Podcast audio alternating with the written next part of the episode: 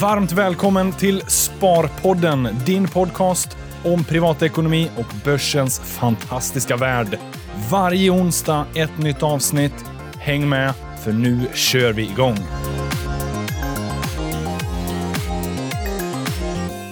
Välkomna! Sparpodden, avsnitt 255 med mig Alexander Gustafsson och äntligen tillbaka. Jocke Bornold! Woohoo! Starkare än någonsin. Ja, faktiskt. Det är skönt att höra. Ja. Du, Jocke, du och jag ska ju faktiskt ut på lite miniturné då. Mm, det ska vi. Dagen till ära. Vi spelar in det här på onsdagen som vi publicerar den också. Yes. Då ska vi ner till Halmstad och Det är så eh, sjukt bråttom faktiskt. inspirera lite. Om vi ska vara ärliga. Ja. Jag har det. Du har lite bråttom, men det är så när man ska ut och fara och flänga i landet. Ja.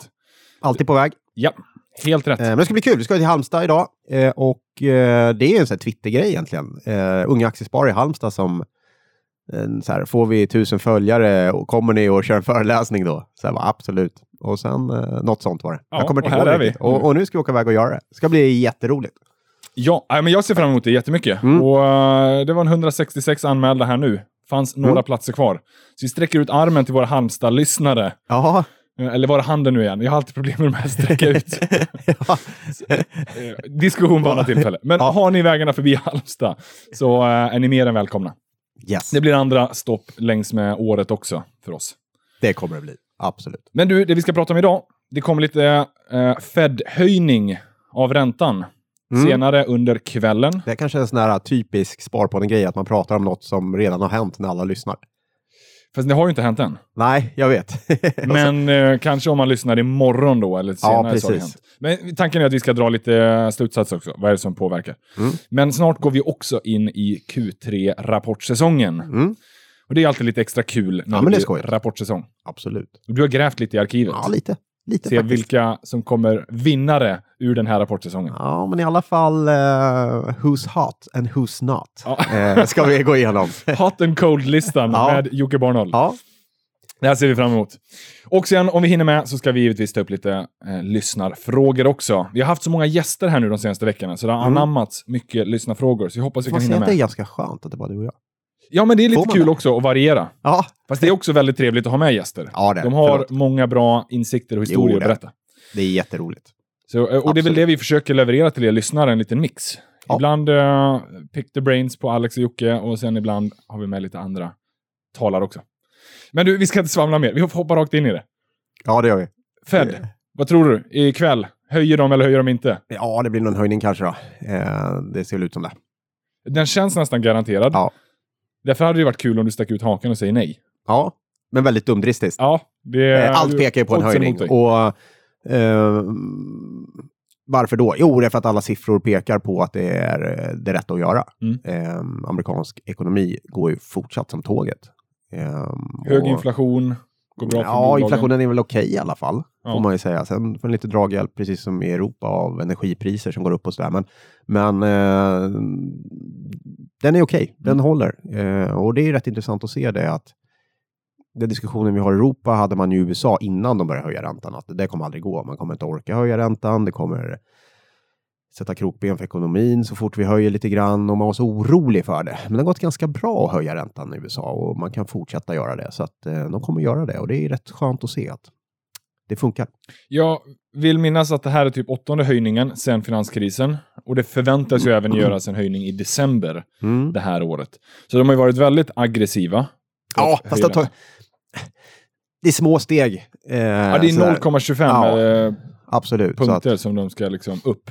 Ja. Men de har ändå hållit fast och, och kört på här. Absolut. Och det har visat sig vara rätt hittills. Men jag tänker så här i relation mot Europa och Sverige. Det är det Mm. många kanske känner här hemma. Men varför höjer aldrig vi räntan då? Ja.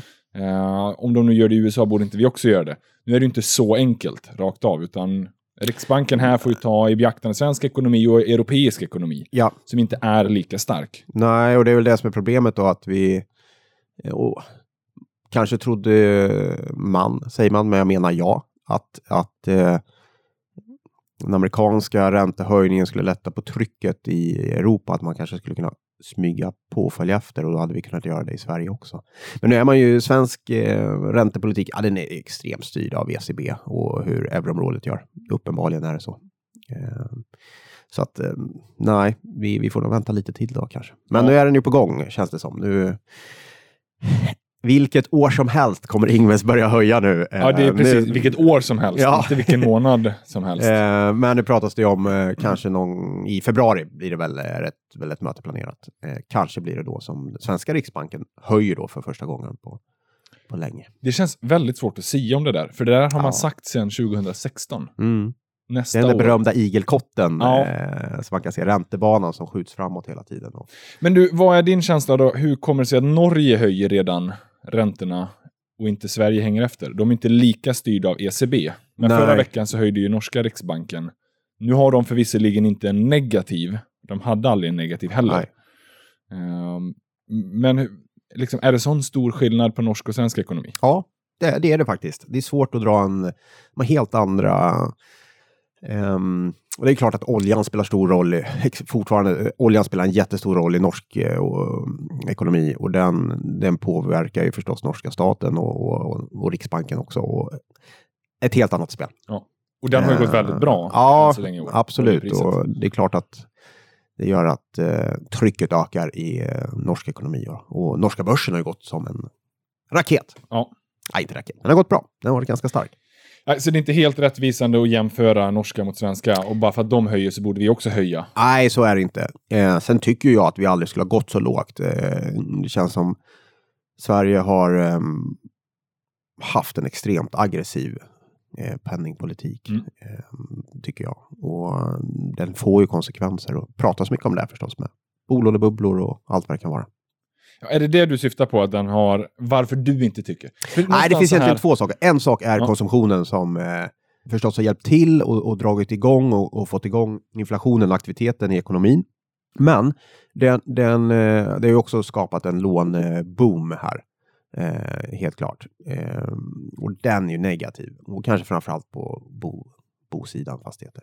Så att det är ju inte så bra. Om man har subventionerat lite de som Ja, äger tillgångar. Ja, men det har man ju gjort. Det är Ja. de som, och det är kanske ett misslyckande här. att Det är, det är de som äger tillgångar som har tjänat på det här. I, inte folket. Nej. Inte löntagaren kanske man ska säga. Löntagaren. Men det finns en annan problematik i det här också. att eh, Hela den här har ju gjort att kronan blir väldigt svag. Vilket har gjort att våra svenska industriföretag eh, har ju en enorm fördel ute i världen när de säljer. Mm. Och det kanske har bidragit till att de inte gör de investeringar de borde göra. Så vi har eh, ett ganska stort investeringsbehov och effektiviseringsbehov i industrin som helt enkelt inte har gjorts. Eh, därför att man har kunnat konkurrera ändå. Och det där tror jag är lite problematiskt. Ja, Okej, ja, du drar den parallellen. Mm. Det, det jag bara tänker på är att det, det är typ ingen som är jättenöjd med det här givna ränteläget, Nej. förutom Ingves. Ja, Så vad är det liksom han ser som ingen annan ser, eller vad är det han inte ser som alla andra ser? nej men hans... Det känns så osannolikt bara att alla är emot Han, den här han, extremt eh, han ser ju uppenbarligen bara en sak och det är att inflationen ska upp. Ja. Och den är inte nog hög. Nej. Alltså behöver jag lägre räntor för att elda på ekonomin. Det är väl så enkelt. Men Det, måste ju finnas någonting mer också, det känns osannolikt bara. Ja, men Eh, lyssna på honom. Det är ungefär det han säger. Ja. Eh, andra och allt det sidan- andra får andra ta hand om. Han tycker ju att eh, bobubblan, ja det får väl staten se till att styra upp regelverksmässigt. Då. Ja, men det är ju så. De är ju eh, de är styrda, de här centrala enheterna. Och det är klart att han kan inte liksom justera räntan efter tycke och smak. Utan Nej. de har ju ganska tydligt mått. Inflationsmåttet. Och Ja. den här räntan ska försöka parera det där. Så det inte Ja. blir för högt eller för lågt. Men eh, jag tror ju också att de tänker i de banorna som du tänker. Men det är, det är, Däremot- så, det är så komplext. Eh, det, det här är ju komplicerat. Men däremot så tror jag att om man tänker att, eh, och det tycker jag är lite fel, man säger att om vi nu går in i en lågkonjunktur, jänkarna här höjer ju sin ränta i en högkonjunktur. Det är förstås en stor fördel. Mm. Eh, för du vill inte dra på och höja räntan i en lågkonjunktur när du vill stimulera ekonomin. Men det här att vi har så låg ränta så att det eh, krutet är bränt, eller vad man nu brukar säga. Ja. Eh, det köper jag inte riktigt. Det är, för det, är, det är inte så att vi måste upp till två för att kunna dra ner till noll igen. Det är inte sänkningen som är Stimulansen. stimulansen, Den utan det är, nivån, det är nivån på räntan. Ja. Så har vi noll, så har vi noll och då, då stimulerar vi ekonomin. Ehm, det är inte sänkningen i sig, det är att man kan sänka som gör att folk... eh, Fast det ger inte lite av ett signalvärde också? ja, jag är skeptisk till det. Ja. Faktiskt. Sen ska man ju också vara tydlig med att det finns ju andra vapen eller verktyg för Riksbanken att stimulera ekonomin. Det är Ja, inte sen- bara räntan. Sen måste vi säga att vi är ganska väl rustade för staten att stimulera ekonomin om vi ramlar in i en lågkonjunktur här. Eh, staten har extremt bra finanser, det är inga problem. Och, Är vi inte så skuldsatta i Sverige? Nej, staten är ju inte det. Man kan trycka igång penningmaskinen lite. Ja, det går att starta massa saker. Ja. Så det är inte helt kört lopp. För det får man lite känslan faktiskt. Att Mm. många är oroliga just för att vi har så låg ränta och om det nu blir en lågkonjunktur, vad ska vi göra för att skydda oss? Men som sagt, det finns ju andra verktyg. Ja, jag ser inte det riktigt faktiskt. Nej. Jag ser det inte så. Men Måste vad är jag- problemet då? Det är bara att det hade kunnat vara ännu bättre än vad det är idag. Nej, men jag tror att det, jag tror ju inte att den här räntenivån ehm, och det där är ju svar, frågor man aldrig får svar på, men vi kanske aldrig hade behövt gå ner så långt. Eh, visst, vi hade också behövt ha låg ränta, men var vi tvungna att ha den lägsta? Liksom. Det tror jag många kommer att eh, forska kring och fundera kring och ha åsikter om om tio år. Ja. Men ja, ska man kolla på inflationsmåttet så Ja. då var det ju ja. Ja. Absolut. Sen kan man ju argumentera för att inflationsmåttet är förlegat också. Mm. Eh, Även om man nu har gått över från vanligt inflation till fastränteinflation så är det fortfarande den här megatrenden med onlinehandel som liksom pressar priser gör ju att det blir inte samma prisökning på produkter. Eh, Så det är ju eh, långsamma processer. Det här blev en väldigt lång eh, punkt i programmet känner jag nu, men det här är ganska kul. Ja, det är Eh, lite kul att resonera för det eh, påverkar oss alla. Den är Mm. någonstans en sån där överhängande hand som styr svensk ekonomi. mm. Men det är många som är oroliga. Det är många nationalekonomer som är oroliga också Ja. för svensk ekonomi. Och som inte tycker att vi har haft... Är det du eller jag? det är du. Det är jag. Vänta! Häng kvar! Och då är vi tillbaka. ja, förlåt. Men du, så här, räntan, det är många som också oroar sig för bolånen. Kommer det Ja. bli dyrare nu då med bolånen? Inte för att nu höjer vi i Sverige, men på sikt kommer det ju höjas i Sverige. Men är det i närtid? Nej, det känns ju inte så. Det Nej. känns som det tar tid, men det borde... Men jag tror... eh, Ibland har jag varit mer inne på att det kommer gå fortare. Mm. Ehm, och jag tror man kanske ändå ska vara beredd på det. Det är så många gånger eh, i historien där det gått ganska fort. Eh, 2008 gick det väldigt fort. Mm. Ehm, så att det, det är så farligt att säga sådär att nej, nu kommer räntan sakta ticka upp här under, för att vi vet inte det. Och historien visar att nej, det kan gå ganska snabbt. Så går infla, inflationen igång, eh, pumpar igång och då vet vi inte riktigt hur snabbt det går. Och då kanske man behöver höja räntan i betydligt snabbare takt. Mm. Så när man gör det antagandet att allt kommer gå långsamt och sakta så är det ju det att inflationen aldrig kommer tillbaka i princip. Utan kommer ligga här kring 1,5-2 procent. Men ehm, det vet man inte. Det vet man inte. Tar den fart så, eh, så kommer förstås eh, våra bolån också bli betydligt dyrare ganska snabbt. Så att man ska nog ha, alltid vara lite beredd på det. Det, och framförallt nu, innan det händer. Börja fundera Absolut. över det och, och spara av lite extra och kanske amortera ner lite extra också. Så att Ja, man har så att det finns ett-. Ett utrymme för det. Ja. Ja, historien har ju ofta bevisat att man tänker att nu är det en ny tid. Mm. Eh, men vi har haft såna här låga inflationsperioder historiskt och vi har Ja. haft ganska höga inflationsperioder. Ja. De varar över ett gäng år. Så Mm. det liksom hinner man glömma av Ja, att det en gång var det någonting lite annat. lömskt. Ja, men eh, väldigt ofta upprepar historien sig. Ja. Eh, både for the good och for Mm. the worse. Och på tal om upprepa sig, varje kvartal kommer det lite rapporter. Ja, Nu ska vi snart glida in i Q3-säsong. ja. det är ju kul. Ja, men det är... eh, Eller är det det? Man säger alltid att det är kul med rapporter. Jag vet tycker inte. det. Jag tycker det är spännande. Jag tycker också att det är spännande. Det Men jag vet att inte man hur folk får, eh, generellt sett tycker. Jag tror de allra flesta tycker det är astråkigt. Men de som lyssnar på det här tycker nog det är kul. Ja, jag, Eh, jag tror också det. Jag vet inte, ni lyssnare gillar väl eh, rapportperioden antar jag, men min mamma, man- det är inte så att min mamma tycker att Åh, det här är spännande, nu är det rapportperiod igen! Gött! det är det inte kan jag säga. Nej, eh, samma. Och, och ibland glömmer man ju bort det också, eh, Ja. att det är så. Eh, jag tar för givet att alla tycker det här är minst lika spännande som jag själv. Eh, men, men så är det ju inte riktigt. För de som är lite mer aktiva och vill bevaka börsen, då är det Mm. väldigt viktigt. För det är nu eh, bolagen öppnar upp böckerna och visar hur det faktiskt har gått senaste kvartalet. Så det är egentligen bara mellan de här kvartalen som vi får reda på hur det går för bolagen. En del är ju lite mer generösa och Ja. kanske månadsvis delger lite försäljningssiffror. Sen kommer det ju också lite vinstvarningar eller omvända vinstvarningar. Om Mm. det är nu så att resultatet kan avvika för mycket än förväntningarna. Men annars är det ju bara varje kvartal som vi får lite nytt. Ja, och ändå är det viktigt. många som vill ha halvårs, även bland eh, privatsparare, många som vill ha halvårsredovisning. Ja, är du är emot då? Det ser ut som att du är jätteemot. Ja, det är liksom vart en gång per kvartal. Det kan inte vara för mycket begärt att få en redovisning för hur det går. Eh, och, och så här läggs ner jättemycket tid på det. Ja, de här siffrorna ska ändå tas fram. Liksom. Eh, det, det är ingen jättebörda eh, Ja, för de lite ändå- större bolagen. Det är lite omständigheter. Det är klart att vd och finanschef är ganska upptagna under den här tiden. Eh, Ja. Och det är mycket liksom prat med analytiker. Och det argumentet som många har för att man vill... Ja, men det kommer man ju inte ifrån. Det kommer aldrig ifrån pratet med analytiker.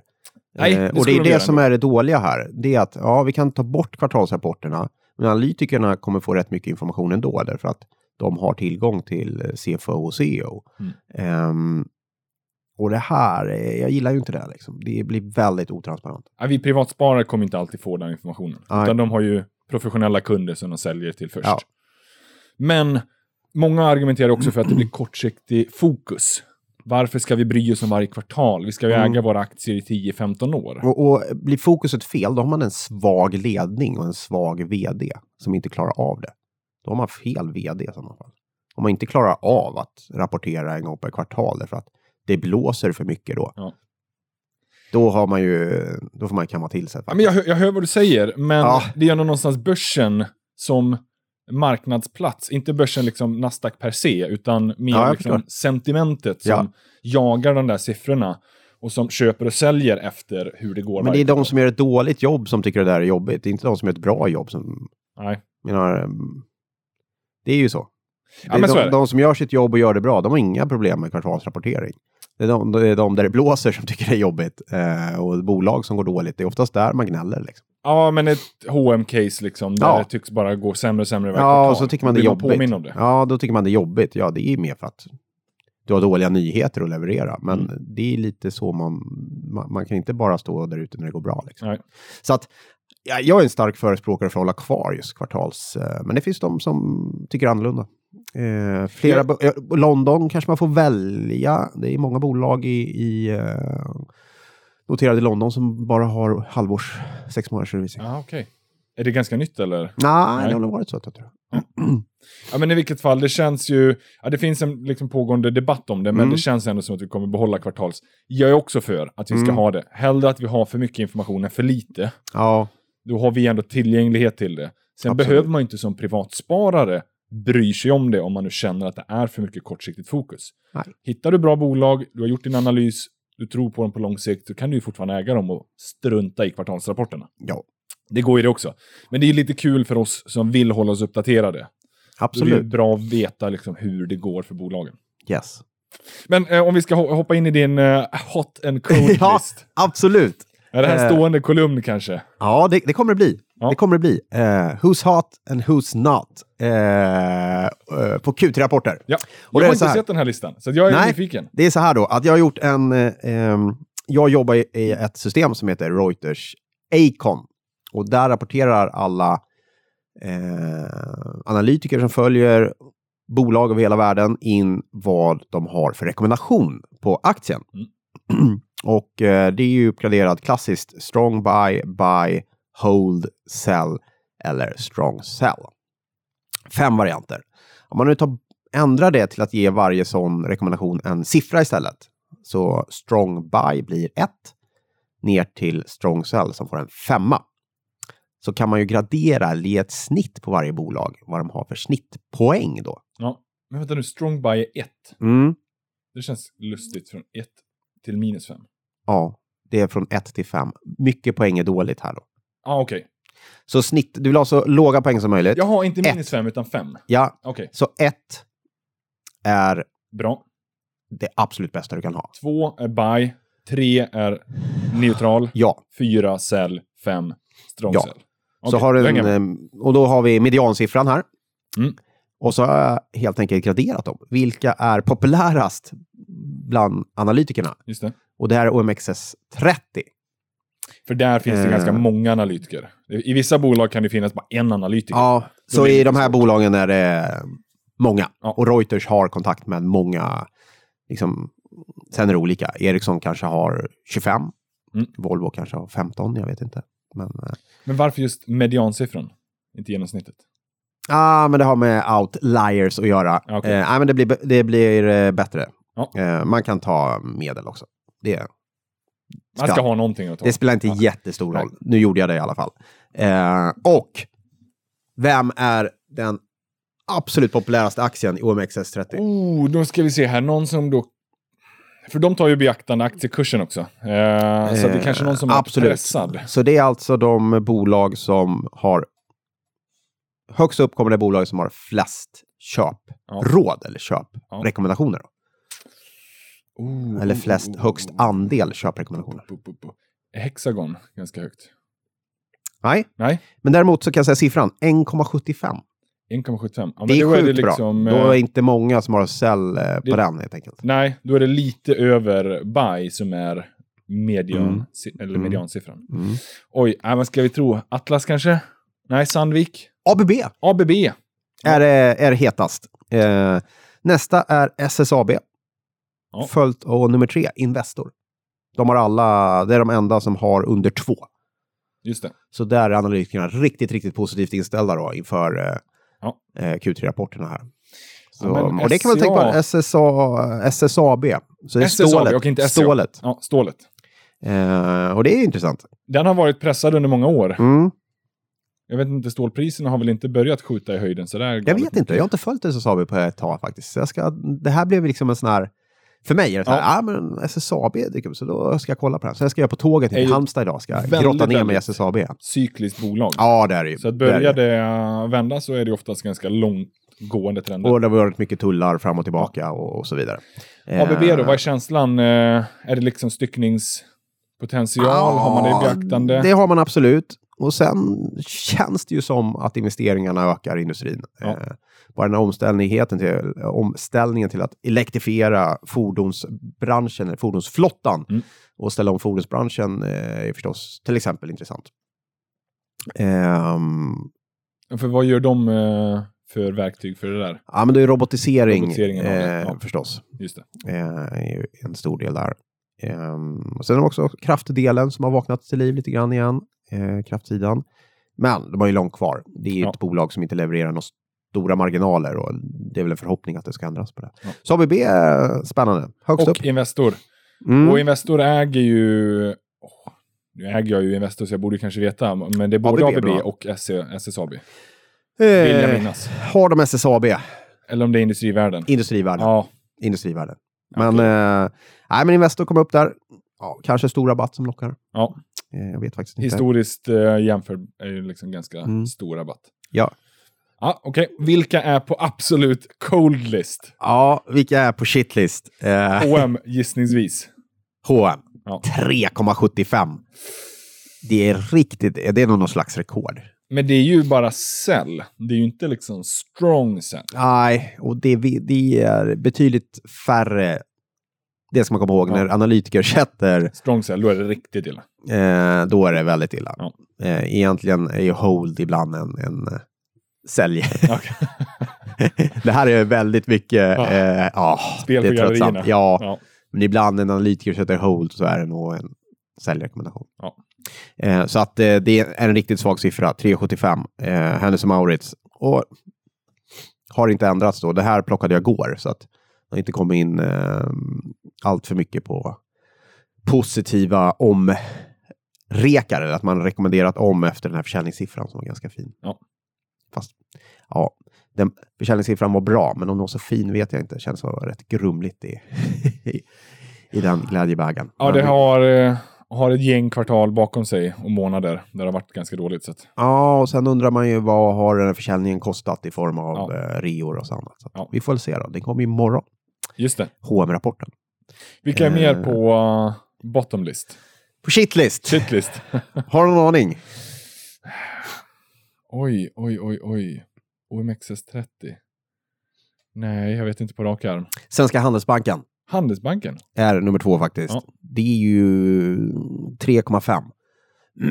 betyder också att de är eh, tvåa här då i den här listan. Ja. Och, Handelsbanken är ju ett bolag som alltid har eh, varit väldigt uppskattat. Ja. Ehm, välskött bank, sällan i svårigheter. B- Blåsa kring eh, Handelsbanken helt klart. Eh, och den där gamla trygghetsstämpeln, den är, den är borta. Okej. Den, den, eh, Vad ligger de andra bankerna i relation till det här? Eh, ja, det är blandat. Eh, Nordea har en bra siffra på 2,45. Det kommer man nästan... Det är man sexa på. Mm. Eh, SEB 2,82, Swedbank 2,87. Så de har eh, betydligt bättre siffror. Ja. Eh, så analytikerna har. Handelsbanken som det svarta fåret just nu. Just det. Det är lite oväntat. Men ja, det tar stryk. Man har fått eh, den här eh, jättesmällen i eh, England. Eh, sen har det också lite eh, kring regelefterlevnad. Eh, och sen är ju med affärsmodellen som ifrågasätts. Eh, stark kontorsrörelse. och så. Ja, Så att, och stå fast vid det där. ja.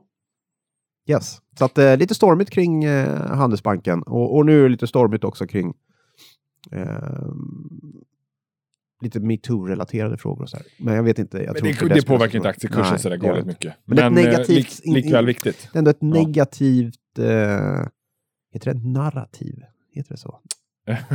Bi- Bidra till storyn kring Ja, det. exakt. Ja. exakt. Att, och det är ofta så att när det dyker upp något negativt så är det flera Letar saker som... mer. Ja, exakt. Och då Ja. dyker det upp nya grejer. Och de har hamnat i det här. Handelsbanken har verkligen hamnat i den där mardrömssitsen när det Ja. man gräver fram grejer som är eh, liksom negativa bolaget. Och lite ovanligt. Så att, eh, ja, vi...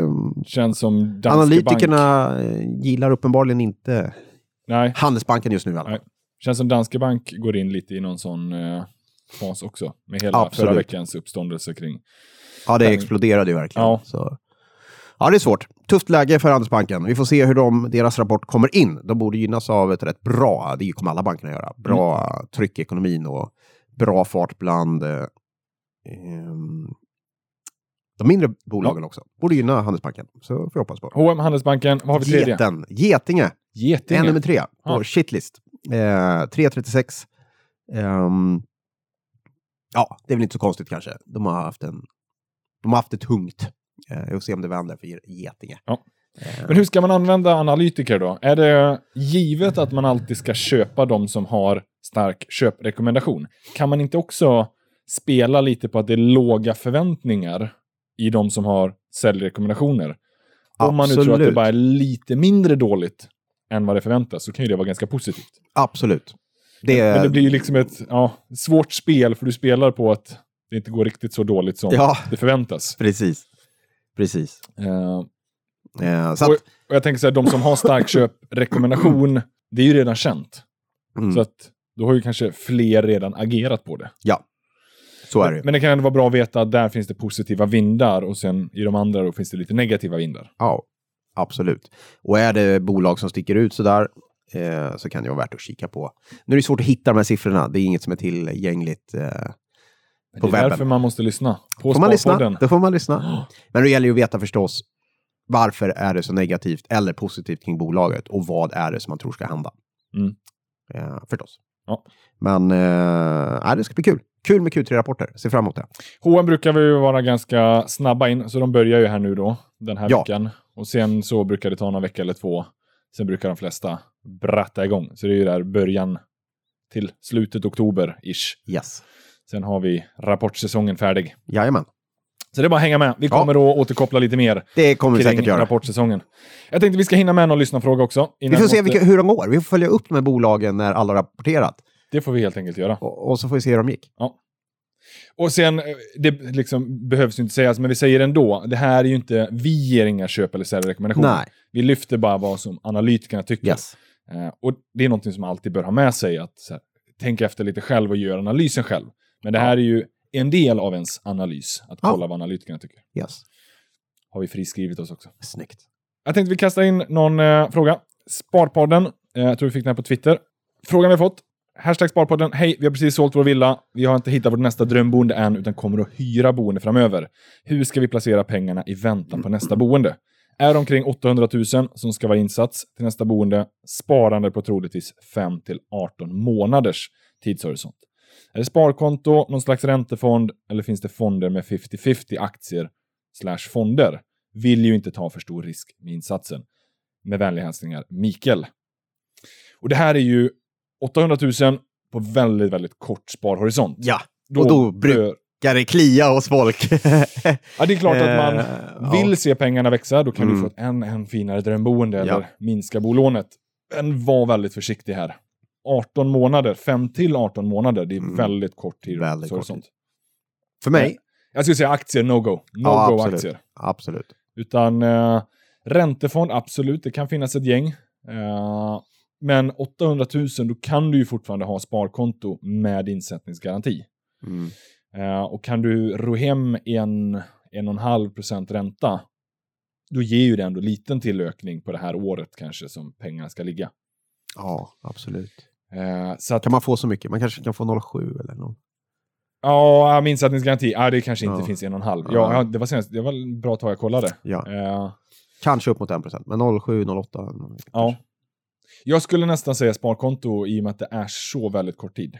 Absolut, alla gånger. Ja. Jag hade, om du hade frågat mig så hade jag lagt med pengarna på sparkonto. Ehm, gå in i aktiemarknaden känns helt fel. Eh, Men de här räntefonder pengarna. då? Där kanske du kan få lite mer. Ja, kanske, men det är också lite svajigt. De har inte gett något bra. De gör ju inte det. De har gett, Ja, brottas fast det med en väldigt svår marknad. Riktigt bra. Då, Men då är det ofta lite företagsobligationer ja, då är det för, och då tar man en företagsrisk som jag tycker är onödig här. Eh, vi har sett också ett gäng som tappat ganska snabbt. Ja. Ett par, tre procent. Eh, från en månad till en annan. Så att, nej, jag, eh, här är sparkonto som gäller tycker jag. Better safe Eh, than sorry. Ja, och hoppas att eh, villapriserna går rakt ner. och tjäna pengarna på det istället. Ja, det går inte att spekulera i, men man får hålla tummarna Ja. helt enkelt. Och, Eh. och, men framförallt att de hittar sitt eh, nästa drömboende. Det är ett ganska härligt läge. Väldigt gött ursprungsläge. Du har sålt, du har uppenbarligen, du hyr någonting Mm. så och du har cashen på banken. Vilken härlig känsla att ha det. Ja, njut och, av den och- känslan. Ja, njut av den känslan. Det måste ju vara magiskt. Eh, och bara leta och försöka hitta det här drömboendet. Mm. Låter perfekt. Toppen. Sista frågan. Uh, Apok Sve på Sharewill. Hur ser ni på företag som ger månatliga utdelningar? Har köpt en mindre del amerikanska företag som ger mellan 0,06 till 0,12 US-dollar i utdelning per aktie och månad. Tänker mig kanske 10% av mitt totala sparande i denna typ av utdelningsaktie. Det känns som att det är en pågående trend, eller har Ja. varit under ganska lång tid, att många vill ha den här månadsutdelning. Ja, Jag har eh, säkerligen touchat det under några gånger tidigare. just det. Eh, Det är väl lite kul, få den här lönen nästan i Mm. form av utdelning. Men man behöver också tänka att i slutändan, om ett bolag ger samma summa en gång per år eller eh, en tolftedel varje månad, så är det ju lika mycket i slutändan. Så eh, det finns kanske ett egenvärde i att få en utdelning varje månad, för du kan ju återinvestera den där. Just det. Men vi märker ju här att 0,06 till 0,12 US-dollar, det blir inte jättemånga kronor. Nej, sen är det fundering med, ja, finns det transaktionskostnader här också? Om du Det är ofta en valutaväxlingsavgift. Ja, courtage för att köpa nya. Eh, så du behöver ha en lite större summa för att det ska vara värt den här månadsutdelningen. Ja. Jag, jag eh, tycker att det är kul med utdelningsaktier och det är Ja. kul att man får det ofta. yes. Men eh, fundera ut vad är syftet med det. Är Just det för att du ska leva på portföljen? Ja, är det inte riktigt så stora summor än, så är det liksom bättre att kanske välja den som är billigast med transaktionskostnader. Just det. Eh, och då kanske det är liksom en gång per år utdelning eller halvårsvis. är ju Sen, enklare att eh, distribuera. Tycker nog jag så här att det ska inte spela roll i vilket bolag du väljer att investera i. Nej, eh, utan det ska ju vara bolag du gillar. Ja, inte precis. utdelningen bara. Sen blir det mer ja, kul då om de gör det varje månad om man gillar det. Ja. Men det är nog ingen parameter du ska med när det kommer till hur du investerar och det känns lite som att allt fler har det. De att man väljer den söker det har här. högst månadsutdelningar. Ja, eller att de har en utdelningskalender som passar dem. Mm. Eh, Det är nog inget bra eh, sätt att investera i bolag på tror jag. Det, det är bra om bolagen är bra. Ja, då är det trevligt absolut. att man får den. Yes, Men kom absolut. ihåg och tänk på den biten. Ja, Eh, Jag gillar månadsutdelningar och jag gillar alla utdelningsaktier, Mm. för det är trevligt med utdelning. Men Ja. kom ihåg att det är bolaget du köper, yes. inte bara den där lilla kupongen. De ska kunna leverera den också varje månad de ska leverera den också. framöver. Yes. Jag tror att det här var avsnitt 255. Gött mos, då ska jag Springa iväg till tåget. springa till tåget faktiskt. Ja. ha det gött. Vi ses igen, och, eller hörs igen nästa vecka. Ja, det gör vi. Hej, hej! Hej!